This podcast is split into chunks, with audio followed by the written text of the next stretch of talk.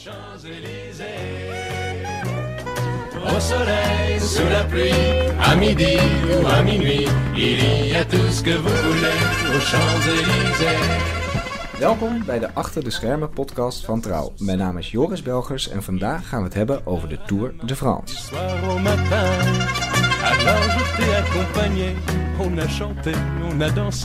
Hoe is het om drie weken lang het circus achterna te reizen en daar ook nog eens zinnige stukjes over te moeten schrijven? Is fietsen zelf eigenlijk wel gezond? Is fietsen wel goed voor het milieu? Waar moeten we in deze editie op letten? En hoe zit het met de podiumkansen van de Nederlandse renners? Daarbij is het vandaag 50 jaar geleden dat Eddy Merckx, de kannibaal, misschien wel de grootste renner ooit, voor het eerst de Tour de France won. Fietst de nieuwe Merckx misschien al rond in het peloton?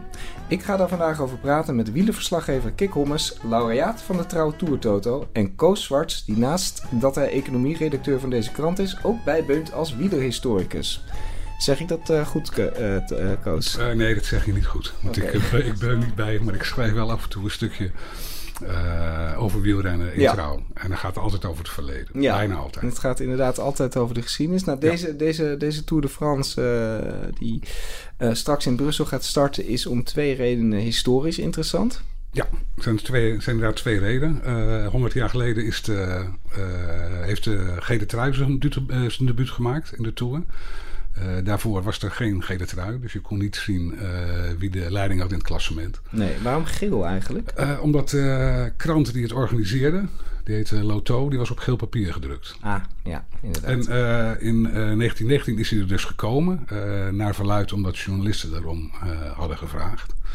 Was dat om, om, om, om een soort herkenningsteken. Ja, zo van wij en anders het publiek wil de, de leider van het algemeen klassement zien. Ja, Maar er is wel iets raars mee. want?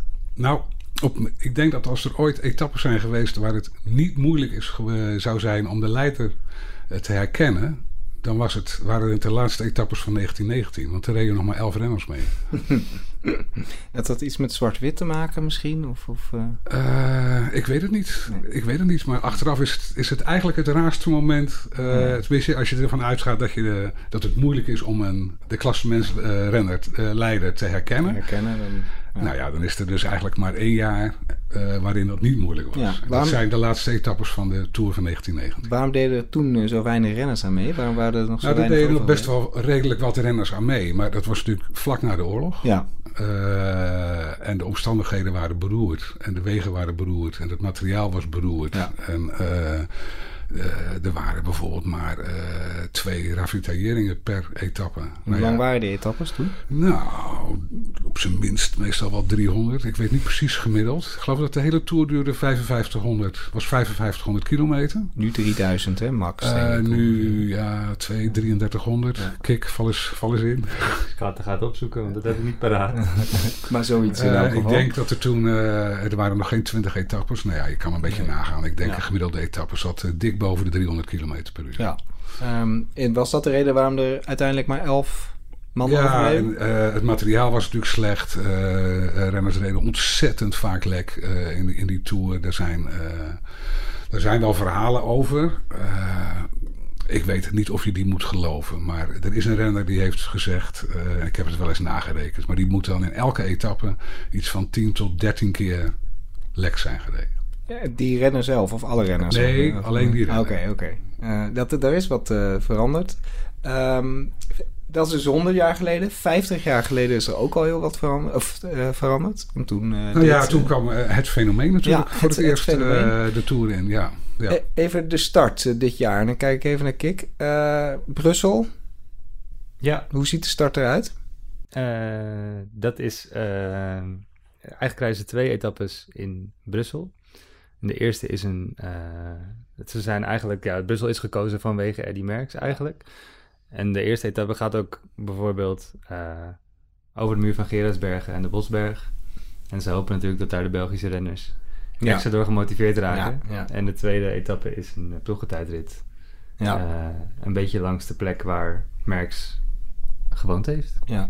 Hey, even, lag dat al eh, lang vast dat Brussel dus de start van 2019 zou worden, omdat het 50 jaar geleden is? Om Merckx te eren, is Merckx nog steeds zo'n zo'n aanwezige persoonlijkheid? eh, ja, Merckx is, is, is altijd aanwezig in de Tour.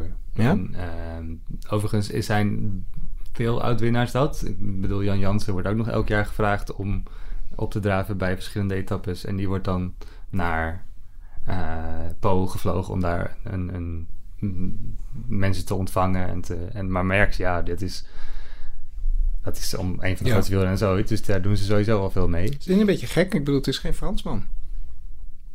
Het is een Belg. Ik bedoel, Fransen zijn toch zo chauvinistisch als het om hun eigen wedstrijd aankomt? Of eh, valt dat mee? Eh, ja, dat, eh, dat weet Koos misschien beter. Dat, Ja, maar goed, wielerhelden worden ook als ze natuurlijk uit, eh, uit het buitenland komen wel geëerd. Jan Jans had natuurlijk altijd het voordeel dat hij voor, veel voor Frans, Franse ploegen heeft gereden. Ja, En hij sprak ook goed Frans. Merckx. Dat ja. scheelt. Ja, en Merckx natuurlijk, zo, Merckx natuurlijk sowieso. Ja, ja. en Ehm, om Merckx kan je natuurlijk niet heen. Dat kan echt niet. Want hij is niet, zoals je net zei, een van de beste wielrenners. Maar verreweg, verreweg de beste ooit. waarom is hij verreweg de beste ooit? Omdat hij echt een onbeschofte hoeveelheid koers heeft gewonnen. Hoe, weet jij uit je hoofd hoeveel koers hij heeft gewonnen? Eh, ja, eh 525. Maar er zit ook wel eens een, daar zit ook wel eens een amateur eh zegens bij. Ja. Profs, ik, uit mijn hoofd 448 of 484. Maar het is echt... ik, ik hij is ook altijd gekoerst om te winnen. Hè? Ja. hij vond als hij dan, eh, hij kon het niet verdragen om dan te starten en dan zeg maar een Ja. overwinning zomaar even weg te geven. hij Daar reed- ging wel altijd, ja daar is het kannibaal natuurlijk ook Hij reed gekomen. nooit de Dauphiné als trainingsrondje of, of eh, om even wedstrijdritme op te doen. Altijd overal. En van het vroege voorjaar tot het late najaar. En dan Ja. nog even de baan op daarna. Tegenwoordig, eh, tegenwoordig kiezen renners hun, hun rondjes uit. eh, Ja, dat wedstrijden uit, een deel van het seizoen. Je hebt Ja, voorjaarscoureurs, anderen mikken op San Sebastian, anderen alles op de Tour. Ja, dat vindt, vindt Merckx ook maar niks. Dat vindt Merckx maar Nee, niks. nee. Ehm, Koos, neem, maar even, neem ons eventjes mee naar, eh, eh, ja, wat is het, eh, 1969. Ja, De eerste keer. Eh, het gebeurt natuurlijk niet zo vaak dat een eh, debutant de grote favoriet is. Maar dat is eh, dan wel. Want hoe oud was, eh, was hij toen? Eh 24 geloof ik. Maar iedereen wist eigenlijk al van tevoren, een Merckx gaat hem winnen. Eh, ik heb even nagekeken wat hij al gewonnen had in dat jaar. Ja, dat is, even kijken, Milaan Sanremo. Ik spiek even, Ronde van Vlaanderen. Luik Bastenaken Luik, Ronde van Valencia, eh, Parijs-Nice. Vier ritten in de Ronde van Italië. En de leider tot... eh, En de leider, Eh, tot hij vier dagen eh, gepakt was op doping. Oh, Ja. vertel. En Doping, toen is 50 hij, jaar ja, en toen is hij de, eh, de Ronde van Italië uitgezet. Ja. Maar Merckx heeft altijd volgehouden, altijd, dat hij geflikt was. Nou ja. Ja. ja. Want ehm, Hij heeft dus zijn carrière ook bijna aan de wil gaan hangen. Nou ja, er zijn verhalen hij- over dat hij huilde in het hotel. En, eh, hij was beroofd. ja, ja. Eh, Was er een Italiaanse winnaar dat jaar? Of, of, Eh, ja. Ja, nou kijk, gaan we al. Ehm, ik zou, ik zou zeggen... Ja, Gimondi dacht ik. Hè? Ja. Ik zou zeggen, als jij, eh, wat is het, een maandje van tevoren uit koers wordt gehaald in, in de Giro, dat je dan niet mag starten omdat je een schorsing of... dat, dat, zo was het ook. Ja. Alleen, er is toen heel veel discussie over geweest. En uiteindelijk, ook omdat er tij- dat, bij die dopingcontrole, nou ja, laten we zeggen dat dat niet helemaal volgens, of niet helemaal of helemaal niet volgens eh, de regels was verlopen. Eh, er is veel diplomatieke druk uitgeoefend, zelfs door de Belgische regering. En uiteindelijk is er een soort eh, compromis uitgekomen waarbij de schorsing, die eigenlijk een maand zou zijn, Ja. werd teruggebracht tot een week. Ja. En toen kon die starten. Maar wat je zegt, tot in de Belgische regering. Merckx Ja. was 24 jaar oud, nog nooit een tour gewonnen. Het was, het was al een grote, grote meneer. Ja, hij had in 68 al de Giro gewonnen. Hij had al een hele zwik klassiekers gewonnen. Waar maakte hij toen pas dan zijn debuut in de, in de tour? Oef. hij vond Ja. dat hij eh, te jong was, het jaar daarvoor. Ah. Dat was misschien, had hij prima kunnen rijden, maar hij vond dat hij te jong was. Was het in die tijd al zo dat, het, dat de Tour de Tour was? Hè? Stak de Tour de France toen al eh, ver boven andere, andere koersen uit, boven de Giro? Nee, dat- volgens mij. Nou ja, in is? Nederland wel. De Ronde van Spanje Ja. was natuurlijk veel minder belangrijk dan nu. Maar ik denk eh, de Ronde van Italië. voor Nederlanders was die, is die nooit zo belangrijk geweest. Nee. Eh, maar voor andere landen toch wel. Het wisselt ook wel eens een beetje in de tijd. Ehm, zeg maar in de Tour heb je jarenlang had je de overheersing van Anke Thiel. En daarna was het dus een soort, ja, een soort leiderloos tijdperk met steeds Mhm. verschillende winnaars. Ja. Eh, en toen kwam in 69 Merckx. ja. Hoe won hij? Hoe verliep de Tour van 69? Nou ja, eh, aan de ene kant kan je zeggen, eh, het was heel bijzonder omdat Merck zo sterk was. Eh, achteraf kan je ook zeggen van ja, het was een beetje saai omdat hij zo sterk was. Mhm. Zeg maar, de Tour is eigenlijk nog geen week oud of hij heeft hem al beslist. Iedereen had wel verwacht dat hij de, dat in de Alpen zou doen of heel misschien in de Pyreneeën. Die lagen een beetje aan het eind van de Tour. Maar al op de zesde dag gaat hij er vandoor. In een etappe eh, in de Vogezen. Mhm. eh, met de Ballon d'Alsace. En daar rijdt iedereen eigenlijk al naar huis. Ja. In een kilometer of 30, 40 pakt hij nou ja, op de, bijna alle favorieten tussen aanhalingstekens eh, ruim vier minuten. En dan weet iedereen natuurlijk dat Ja. het eigenlijk gedaan is. Behalve Merck zelf, die zegt dan netjes van nee, nee, Altijd beleefd kan nog, ja, kan nog veel gebeuren. En Parijs is nog ver en dat soort dingen. Wie, wie waren zijn tegenstrevers? Gimondi, Ja. eh, dat is denk ik de belangrijkste geweest. Dan had je twee Fransen, eh Poulidor, eh Penjon. Eh, Jansen natuurlijk, hè? Ja. Ja, Jansen die had eh die daarvoor gewonnen. Ja. En die had ook best wel kritiek op het feit dat Ja. Merckx uiteindelijk startte. Ja, dat Oh, ja? klopt. Ja. zeg maar toen Merck, zeg maar, eh, toen schorsing deels ongedaan eh, maakte, ze, ging Jansen daar eh, publiekelijk tegen te keer. Ja. Ja. Hij vond dat er met eh, twee maten werd gemeten. Vond het, vond het, ja, ik kom toch weer op dat chauvinisme. hoor. Vond het Franse publiek dat niet ook? Hè? Want je noemt Poulidor, wat toch een beetje de grote held eh, in Frankrijk is. Ja, dat weet ik toch eigenlijk niet echt, Dat eh, weet ik eigenlijk niet zo goed. Ik heb de indruk van niet. Nee, er is, later is er wel eh, wat weerstand tegen Merckx geweest. Maar ja, dat Ja. was omdat hij zoveel won. Ja. Ja, dat werden mensen op een gegeven moment ook wel een beetje zat. Ja. Eh, en als je, naar, nou ja, als je naar zijn erelijst kijkt, dan is dat ook wel een beetje te vatten. Want eh, ja. doorgaans als hij kwam en hij wilde echt winnen, ja, dan won hij. ja. Je, je zei zesde etappe 69. Hij pakt, hij pakt vier minuten op Ja. eh Ballon d'Alsace. Ja. Leuk om op vakantie te gaan trouwens. Eh, Ja. Hoeveel etappes pakte hij die Tour nog? Weet je dat? Eh, Oeh, even denken hoor. Ik dacht dat het eh, waren er nou vier of zes. Het waren er veel. Het waren Ja. er zeker zes. Ja. Ja. Eh, en maar- hij heeft er nog eentje weggegeven ook. En hij is er eentje weggegeven. Oké, oh, vertel. Ja. Hoe ging dat? Nou ja, hij, was, hij had eh, in de Vorgezen dus eigenlijk al de ronde beslist. En eh, ik denk twee of drie etappes later eh, lag hij op kop met Penjon. Ja. En normaal zou Merckx in eh 10 van de 10 sprints van Penjon winnen. En toen won Penjon. Ja. Dus dan mag je aannemen dat het een cadeautje was. Ja, precies. Misschien voor de, als tegemoetkoming aan de Fransen. Misschien om te voorkomen dat er een grote combine eh, zou komen. Tegen hem, ja. Die kwam er geloof ik toch, maar ja, de man was zo sterk. Daar was gewoon niet tegen op te rijden. Maar de, dat jaar nog andere memorabele etappes dat hij uh, Nou ja, de, de beroemdste is natuurlijk de, de grote Pyrenee-etappe. Onder andere over de Tourmalet. Dan Ja. heeft Merckx eigenlijk al bijna iedereen op afstand gereden. Dan Ja. eh, neemt hij vlak voor de top. eh, eh, rijdt hij ook nog, eh degene die nog bij hem gebleven zijn, rijdt hij uit zijn wiel. Ja. En dan eh, rijdt hij naar een voorsprong van eh, acht minuten op een aantal favorieten. En op bijna een kwartier op eh, onder meer Jan Jans. Ja. Dan rijdt hij bijna 140 kilometer solo. Het is ook nog bloed en bloed heet. Ja, en dat heeft natuurlijk, eh, zeker in die tijd, eh, Ja. of juist in die tijd, heeft dat eh, heel veel indruk gemaakt. Omdat, eh, ja, zo wil niemand meer. Begon, eh, begon de Tour 50 jaar geleden, we hadden het net aan het begin eh, over de Tour van 100 jaar terug. Hè, 300 kilometer per etappe. Eh, begon hij, eh, 11 renners eh, bij, bij de finish. Begon hij in 1969 al wat meer te lijken op de wedstrijd zoals we hem nu kennen. Ja, hoewel qua- veel etappes toch ook wel een stuk langer waren. Wat je toen ook nog had, was deeletappes. Oh ja. Eh, een, eh, eh, een A, 1 B. Dus dan Ja. reden ze 's morgens en dan reden ze 's middags. Ja. Eh, en ik geloof dat er zelfs, ik weet niet of dat in 69 geweest is, maar toen wel, eh, ongeveer in die jaren reden ze ook wel eens drie, bijvoorbeeld. Ja. Eh, ja, sorry, de etappes waren wat langer. Even denken of ik nou zo snel nog iets. En, en qua commercie? ja, maar dat is natuurlijk altijd al geweest. ja. Wielrennen is commercie, dat Ja. is vanaf, dat, is al, dat is altijd geweest. Ehm, dit jaar dus 50 jaar. De, de, er wordt bij, eh, bij de start wordt erbij stilgestaan. Wat voor manieren komt, komt Eddy Merckx verder nog terug dit jaar, denk? Nou, ze rijden in ieder geval nog langs zijn Langs het, huis eh, de dus? eh, ja, plek Ja. Waar, die is, waar die is opgegroeid. Hij er zal ongetwijfeld zullen, er zal die nog regelmatig opduiken, denk Ja. ik. eh. hey, en fietst de nieuwe Merckx al in het peloton rond? Nou ja, dat is een, je mag natuurlijk altijd alles vragen, maar uh, het is een beetje, het is net zoiets als uh, Frenkie de Jong met Johan Cruijff vergelijken. Als je dat gaat doen, dan krijg je meteen uh, ja. te horen dat dat niet mag. Nou, ik doe dat lekker wel. Het doet het lekker wel. Nou, dan, zeg, dan, zou ik zeggen, ik heb geen flauw idee, maar het is, het, het, het, is, het, is, het is denk ik niet meer mogelijk om, het is onmogelijk om zoveel te winnen als Merckx ooit heeft gedaan. Waar, waar ligt dat, dat aan? aan, aan Merckx, Merckx kon alles. Hij kon sprinten, hij kon dalen, hij kon klimmen, hij kon tijdrijden.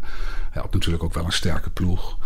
Hij was ontzettend eerzuchtig, ja. uh, verslaafd aan winnen. Uh, ik ben zelf persoonlijk meer van Mathieu van der Poel, maar wat Wout van Aert heeft laten zien in de Dauphiné. Ja, ja, het maar goed, tijdrit, massasprint. Ja. Uh, raakt wat kilootjes kwijt, dan komt hij die berg ook wel op. Misschien wel, maar dan moet je natuurlijk nog wel drie weken. En dat is toch, ja. toch iets anders dan één dag. Weet, weten jullie of er in België een, een soort van van aardmania op gang is gekomen? Sinds, sinds wat hij in de Dauphiné heeft laten zien? Ik bedoel, die was er altijd dat denk al. ik niet, maar... maar ik denk dat de Evenepoelmania, de Remco Evenepoelmania... Ja, de Remco Evenepoelmania, ja. Uh, een maar stuk die, groter is. Maar die start niet in uh, Maar die start in niet, nee. Nee. nee. Maar ik denk dat Wout van Aert wel een hele uh, bijzondere ontwikkeling doormaakt nu. Die zit dus in de Jumbo-Visma-ploeg met ja. Steven Kruiswijk. Ja. Is op hoogstage geweest met Steven Kruiswijk. Zijn ze echt goede vrienden ja. geworden. En uh, Kruiswijk heeft wel echt gevraagd of die... Uh, of de ploegleiding in ieder geval wilde kijken... en of ze Wout van Aert konden meenemen. Want die is na één hoogtestage inderdaad wel heel erg... Ja, ik wil ah, Merciaans, dat... Nee, dat nee, dus, er is één ding waarom je de vraag wel mag stellen. En dat is omdat Evenepoel is... Die is prof geworden en toen was hij 19, hè? Ja, hij is nu heel ja, en dat was Merckx ook. Ja. En dat is natuurlijk heel jong. Ja. Merckx was ook 19. Net. Au soleil, sous la pluie, à midi ou à minuit, il y a tout ce que vous voulez aux Champs-Élysées. Uh, we gaan zo verder praten over de, uh, ja, de kanshebbers. We noemden al Kruiswijk uh, kort. Um, ik wil even naar Kik Holmes. Uh, Kik Holmes is de jonge wielenverslaggever van onze krant. En, en, en vorig jaar is hij uh, voor het eerst uh, voor de krant drie weken achter de Tour aangereisd om daar verslag te doen daarvan. Um, we hadden het er net kort over. Nou, ik, ik zei het al leuk om op vakantie te gaan. Voor mij als, als klein jongetje is de Tour de France altijd verbonden uh, geweest met het, met het wereldontvangertje op de, camper, uh, op de camping erbij. Uh, zon, de leuke Franse liedjes in de auto. Natuurlijk het Trumpet Cross. De leader van, van de NOS altijd. Um, sinds vorig jaar, zei ik mij net, roept de Tour de France geen vakantiegevoelens nee, meer bij me. me. voor mij geen vakantie. Nee. nee. Dus voor Want? mij is het, volgens mij is het heel hard werken. Oh ja? En je moet... Uh, uh, ik ging, ik, het was altijd wel vakantie hoor, want voordat ik voor trouw mocht, uh, ben ik ook jarenlang zelf op vakantie langs de kant gaan staan en het wielrennen gevolgd. Ja. Maar nu is het, um, het is een enorme show. het, is een, nou ja, het wordt wel als met een circus vergeleken en dat is het ook, want er gaan ongeveer 2000 journalisten zijn Ja. erbij en dan heb je 180 renners. Ja. En ja, het is, je gaat er de week voor de toerstart druppelt iedereen een beetje binnen op de plek waar de toerstart is. En dan kom je elkaar tegen op de persconferenties van de, van de ploegen. En bijvoorbeeld Team Sunweb kiest, altijd een uh, kasteeltje uit of zo. Dus dat is heel fijn om daar te Ja. beginnen. Ja. En dan ben je gewoon drie weken lang de hele dag. In eh, touw. je gaat van je hotel naar de start, naar de finish. Eh, dan na de finish ren je achter een paar renners aan, want eh, die willen natuurlijk het liefst meteen zo snel naar de bus. Dus je moet je zorgen dat ze ergens te stoppen zijn. Ja. En soms moet je daarvoor een kilometer achter iemand aanrennen, voordat, omdat de bussen zo ver weg geparkeerd staan. En dan ga je weer naar je hotel en naar de volgende dag. En, Ja. zo in, en eigenlijk, eh, je rijdt 7, 8000 kilometer Ja. in tijdens zo'n tour. En, en heb jij het, eh, eh, het idee dat je, en dat zullen veel luisteraars zich ongetwijfeld afvragen, of jij eigenlijk als je achter dat circus aanreist wel tijd hebt om ook nog eens de koers te volgen? Ik bedoel, die sprintetappes, dat zal wel gaan, maar... eh, Eh, ja, wat je, eh, wat voor mij, wat, hoe het eigenlijk werkt voor mij het beste, hoe het het beste gewerkt heeft, wat ik meegemaakt heb, is dat je dan 's ochtends bij de start interviewen mensen en dan heb je twee parkeerplaatsen. hm, Eh, je kan achter de koers aan, dus Ja. dan moet je wachten tot de bussen weg zijn en tot de uh, reclamekaravaan Ja. al lang weg is. dan steek je Of je af of rij je echt op hetzelfde Je kan, je kan afsteken. Dus, de, dus je hebt een heel mooi routeboek en daarin staan eh, de wegen die je kan nemen om zo snel mogelijk bij de finish te zijn. Maar bij de start heb je ook de eh, P avant. Dus dat is de. Hè, dan ga je eigenlijk voor de koers uit. Dan moet je dus een, ongeveer half uur voordat de koers van start gaat, moet je weg zijn. Ja, En dan ga je dus zo snel mogelijk naar de finishplek. En da- daardoor mis je inderdaad soms wel eens de eerste twee Ja. uur van de wedstrijd. Ja. En dan zit je in de perszaal en eigenlijk zie ik ook niet zo heel veel meer dan de mensen op televisie. Nee. Want wij kijken ook naar een scherm. Wat, wat, wat voegt er dan toch toe om eh, daar te zijn? Voor jou, als journalist?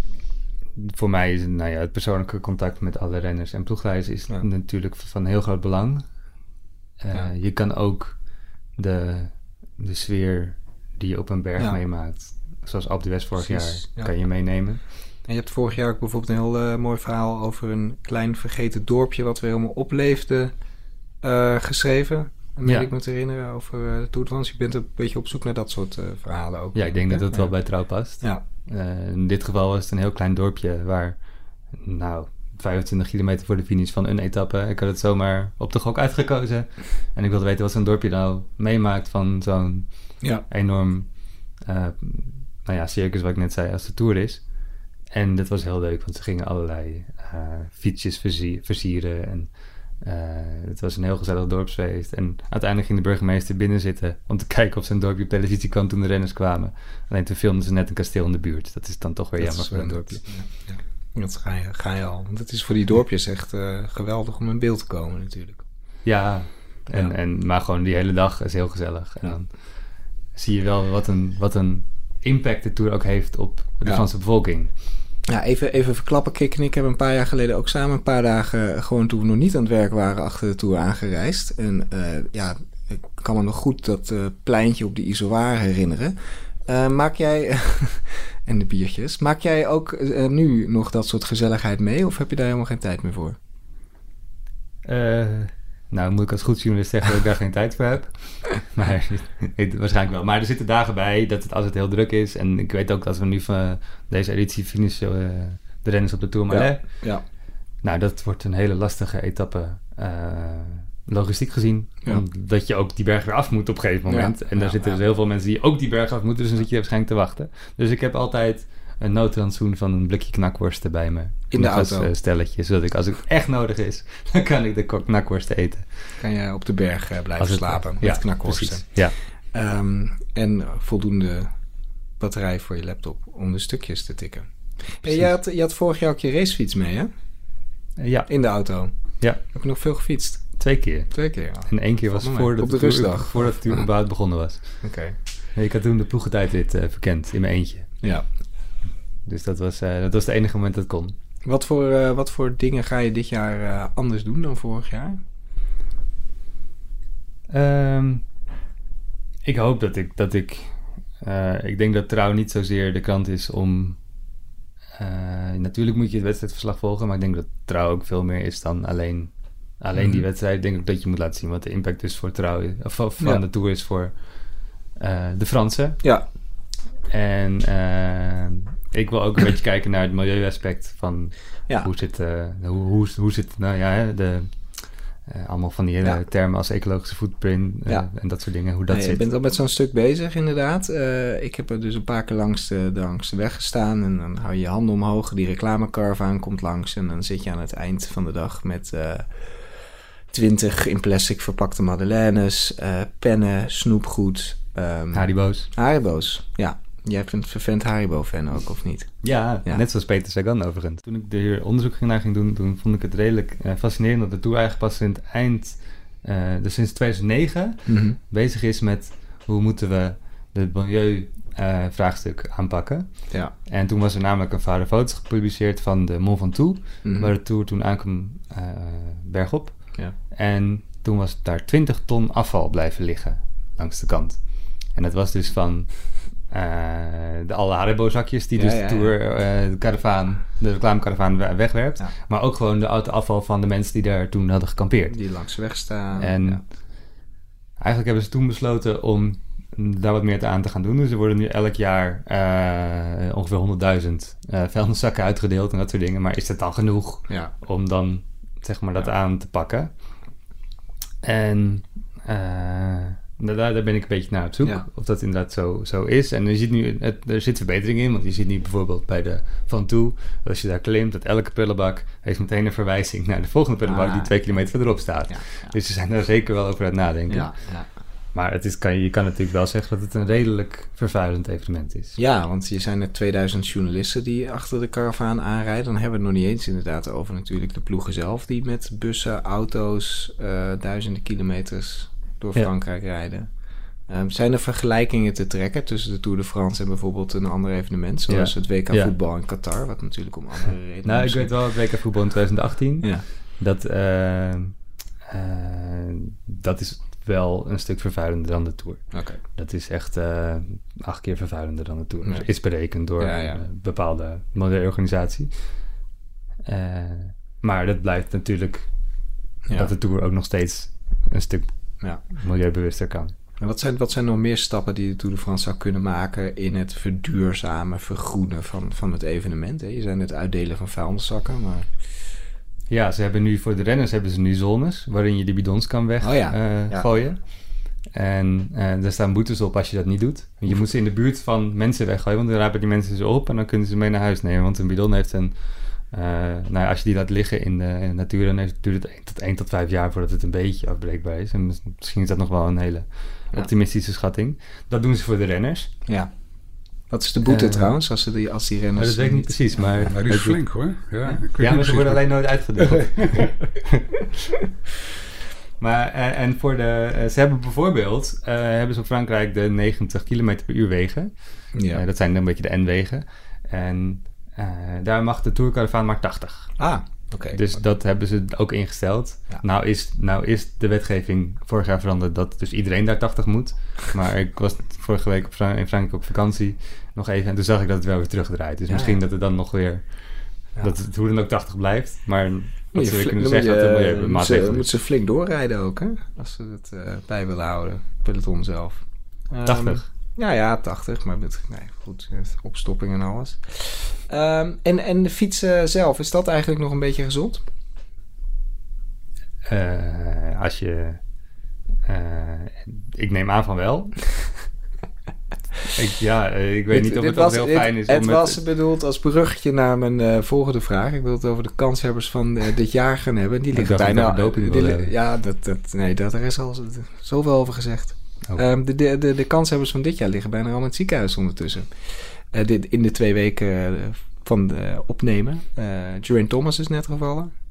Christopher Froome ligt nog in de, van de intensive care af, denk ik. Nou, we moesten wel een paar dagen blijven. Tom Dumoulin die heeft last. Kruiswijk is afgestapt. Ja, die was ziek. Eh, wie hebben we nog meer? Nou, de, de, de Fransen gaan nog steeds sterk. Wout Poels, die wordt natuurlijk kopman van, van, van. Dus die Ja. was ook goed. Ja. En ja, maar wat met Froome is natuurlijk... eh, daarmee heb je wel de grootste favoriet Ja. genoemd... Die, die er nu niet bij zal zijn. En Nee. op een manier ook waar- waar- Ja. die je niet wil. Nee. Ehm, ook de Fransen niet, stiekem. Die hem eh, toch de afgelopen jaren met condoompjes gevuld met urine hebben bekogeld. En ehm, hoe is erop gereageerd op het ongeluk? Ik denk in eerste instantie dat je wel de berichten zag van... eh eh, ik hoop dat gevallen is. Ja. Maar ik denk dat de ernst van de situatie wel zo is dat, dat als je een beetje eh, wil overkomen als iemand die het wielerfan is, dat je dit ook wel heel vreselijk val vindt. ja. Ehm, wat wordt dit voor een Tour de France? Wie zijn, wie zijn de kanshebbers? Uh, Koos, wie ga jij straks hebben? Altijd kort heb ik de Trouw Tour Toto al, eh al Ja, genoemd. ja, ja, wie zet jij, wie zet jij nog- straks in Ik ben nog niet uitgedacht, Nee. eerlijk gezegd. Ik heb, ik heb geen flauw idee. Ik hoop in ieder geval dat het een beetje spannend wordt. Ja. Eh Eenmerkstoer, dat is natuurlijk wel leuk, omdat, omdat het toen destijds de eerste was. Maar ik, ik ben nooit zo van die renners die... ik hou er niet zo van, van tours die heel erg gedomineerd worden door... het is veel leuker als het een beetje, eh, ja, als, het een beetje, als de kansen een beetje wisselen. Eh, ik moet zeggen dat ik het dit jaar heel moeilijk vind. Ik weet het niet. Ja, ik ook. Eh Vubelsang misschien. Die is erg, erg sterk. Ja. Is dit jaar heel sterk. Ja. Nou, wat ik, wat ik vooral hoop is dat je. We hebben de afgelopen Giro gezien. En Mhm. er was eigenlijk één etappe die er wel bovenuit sprong. En dat was de rit die Zakarin won op de tweede zaterdag. Dat Ja. was een aankomst bergop. Ja. Toen reed Primoz Roglic twee van Jumbo-Visma reed in de roze trui. Alleen, die had en de ploeg niet. En die was een beetje aan het, een pokerspel aan het spelen met Nibali. Waardoor je iedereen overal weg zag vliegen. En dat is iets wat we in de Tour de laatste jaren niet echt gezien hebben. Door de dominantie die Sky en nu Ineos Ja. heeft laten zien. En als Froome inderdaad niet... Nou ja, die doet niet mee. Maar als Thomas ook nog eens... eh, toch een beetje gevolgen gaat hebben van de Ja. die gisteren had. Al leek het mee te vallen. Ja. En eh Bernal blijkt ook nog niet in staat om het kopmanschap te Dan denk ik dat het een hele leuke tour kan Een worden. open, een open koers. Met, eh, ja, ik ben de vorig jaar wel heel erg slecht gegaan in de Tour Toto. Ja. Want ja, daarvoor had je hem gewonnen, toch? Nee, dat is alweer twee jaar geleden. Dat is twee jaar geleden. Nou ja, goed. Afijn.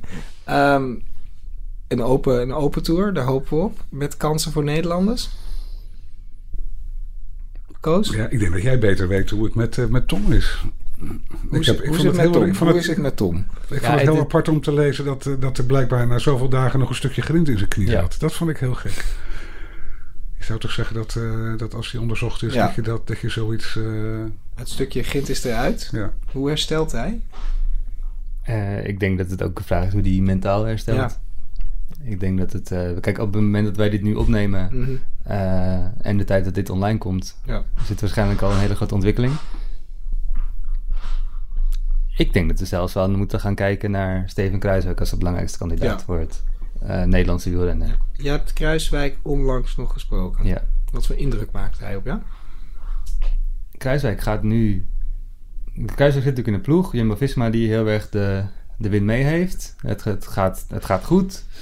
De resultaten komen er ook wel. Vorig jaar heeft hij zijn beste klasseringen eigenlijk gehaald in zijn carrière. Met een vijfde plaats in de Tour en een vierde plaats in de Vuelta. En daarom wil hij nu naar het podium. Ja. En hij zegt het podium is echt iets heel tastbaars voor mij. Eh, dan had hij nog niet eens over de plek in de geschiedenisboeken. Maar meer dat hij op een podium kan staan. Dat dat nog het grote doel is. En we Ja. hebben vorig jaar natuurlijk wel gezien dat hij de meeste aandacht kreeg eigenlijk toen hij 70 kilometer lang. Ja, de Alpe d'Huez, eh, etappe naar Alpe d'Huez. Ja, etappe naar Alpe d'Huez. Croix de Fer deed hij weg. 70 kilometer lang. En dan werd op drie kilometer van de streep werd hij bijgehaald. Uiteindelijk door de favoriete groep.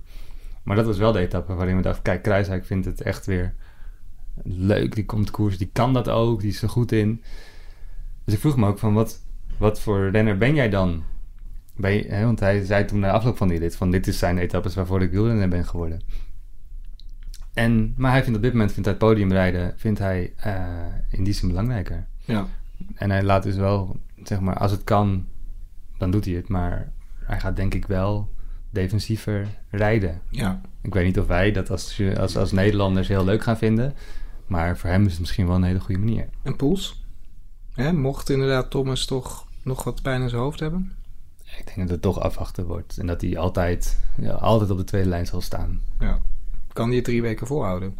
Ook. Dat is ook een vraag. En ik denk dat ze bijna handen voor de schrijven. Ja. En dan hebben we nog... eh, ik, ik ben, ben altijd wel benieuwd naar Movistar. Dat vind ik zo'n fantastisch team. Wie is kopman dit jaar in de Tour voor Movistar? Weet je dat wel? Is Alle dat- acht. Ja, alle acht. Ja, Alle precies. acht renners. Fiets, Fietslanda? Eh, ja, is goed Ja, precies. Ja, en Valverde en Quintana. En Valverde en Quintana. Ja, dat wordt ook... Dat, nou, Koos, voor die pool wordt dat... eh Dat wordt- ja, ja, ja. dat wordt lastig. hey, en je had het net over Jumbo-Visma. Ehm Wout van Aert heeft laten zien dat hij goed kan sprinten. En Dylan Groenewegen eh, is de sprintkopman. Hoe gaan ze dat oplossen? Wordt dat een dingetje? Nee, dat wordt geen dingetje. Ik denk dat juist dat de, eh, dat de sprinttrein van Dylan Groenewegen daar alleen maar sterker door kan worden. Eh Jumbo-Visma heeft als motto elke dag kunnen meedoen voor een overwinning. Nou, Ja. dus hebben op dag 1 meteen een kans Ja. met Groenewegen. En die heeft echt een behoorlijke eh, goede trein die al ervaring heeft. Ja. Want vorig jaar reed bijvoorbeeld eh Amoed Jansen reed al met hem mee toen Groenewegen twee ritten won. Ze hebben nu Mike Teunissen erbij die... Nou oké, het was een ronde van Duinkerk, een Mm. kleinere koers, maar die mocht zelf nog even een etappe winnen. En Groenewegen ging toen uit zijn wiel en, Groen, en Teunissen sprintte door. Ja. Dat is zeg maar de man voor Groenewegen. En ze hebben Tony Martin hebben ze dit jaar aangehaald. Oh ja. Die nog een, eh, tussen kilometer 1 en de laatste 500 meter zo hard moet rijden dat niemand meer over ze heen komt. Maar dan En dan heb je ook nog Wout van Aert. En waar ze die in gaan passen, dat weet ik dan niet. Ja, maar daar kom ik weer terug bij Kruiswijk. Eh, waar moet hij zijn assistentie vandaan halen als iedereen in die sprinttrein eh, zit? Zetten ze niet te veel eh, op twee, twee paarden aan het wedden? En het podium voor Kruiswijk en die sprinttrein? Ja, al hebben ze het vorig jaar eigenlijk ook gedaan. Ja. En toen hadden ze Kruiswijk en Roglic uiteindelijk in de, de top 5. Ja. Maar zij, de, zij gaan er, zij, hun filosofie is, als je elke dag meedoet om iets, als je elke dag kans maakt om iets, dan eh, groeit je moraal alleen maar. Als, je bang bent om de eerste week te vallen, dan ben je alleen maar bezig om een valpartij te vermijden. Ja, En dat vinden zij niet de manier waarop je zou moeten koersen. ja. En eh, daar vind ik eigenlijk wel wat in zitten. Ja, nou laten we met die filosofie van eh, Jumbo-Visma deze Tour-podcast afsluiten. Eh Kik Hommes, Coastwards, hartstikke bedankt eh, voor jullie komst en jullie bijdrage. Eh, luisteraars, bedankt voor het luisteren naar deze speciale achter de schermen aflevering over de Tour de France. Ik wens jullie allemaal heel erg veel wielrenplezier de komende drie weken in Frankrijk.